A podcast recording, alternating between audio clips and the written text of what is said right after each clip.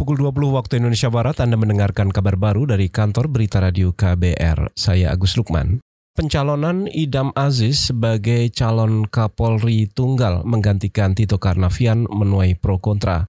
Peneliti dari Lembaga Pemantau Korupsi ICW, Kurnia Ramadana mengatakan, pemilihan idam atau pencalonan idam tidak mempengaruhi kinerja polisi, terutama dalam penyelesaian kasus penyerangan terhadap penyidik senior KPK Novel Baswedan.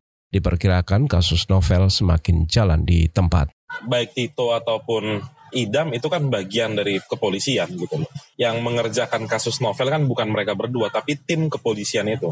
Kepolisian itu sudah dipercayakan lebih dari dua tahun tidak juga menuntaskan gitu loh. Jadi siapa pun yang berganti kalau tidak ada arahan dan batasan waktu yang jelas, Bahkan kita berpikiran harus ada punishment dari presiden jika pimpinan tidak bisa menyelesaikan kasus ini, maka kasus ini akan hilang begitu saja gitu. Peneliti dari Lembaga Pemantau Korupsi ICW, Kurnia Ramadana meminta Presiden Joko Widodo berani memberikan hukuman atau sanksi jika pimpinan kepolisian tidak berhasil mengungkap kasus penyerangan terhadap penyidik KPK Novel Baswedan.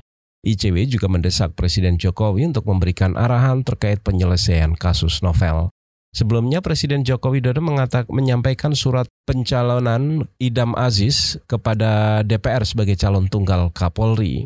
Idam Aziz akan menggantikan Tito Karnavian yang sebelumnya dipilih menjadi Menteri Dalam Negeri. Satuan Tugas Anti Mafia Bola di Mabes Polri menangkap 9 orang terduga pelaku pengaturan skor atau match fixing di Kalimantan Tengah. Juru bicara Polda Metro Jaya Argo Juwono mengatakan sembilan orang itu diduga terlibat pengaturan pertandingan atau match fixing dalam pertandingan Liga 1 antara klub Kalteng Putra melawan Persela.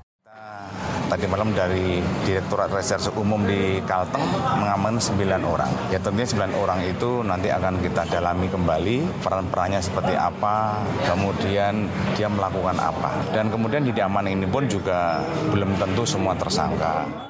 Juru bicara Polda Metro Jaya Argo Yuwono mengatakan saat ini Satgas Mafia Bola akan melakukan penyidikan dari alat bukti dan saksi yang ada, termasuk memeriksa wasit dan perangkat pertandingan lain. Argo Yuwono mengatakan terungkapnya kasus ini berawal dari laporan yang masuk ke pusat pengaduan di Satgas Anti Mafia Bola di Mabes Polri usai pertandingan antara Kalteng Putra melawan Persela Lamongan.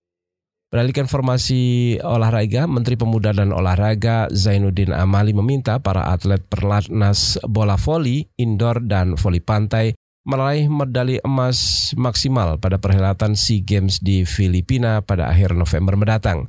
Usai mengunjungi atlet, atlet pelatnas bola voli indoor dan voli putra di Sentul, Bogor, Zainuddin optimistis tim bola voli indoor dan voli pantai Indonesia bisa meraih medali emas hingga lagu Indonesia Raya bisa dikumandangkan di ajang SEA Games.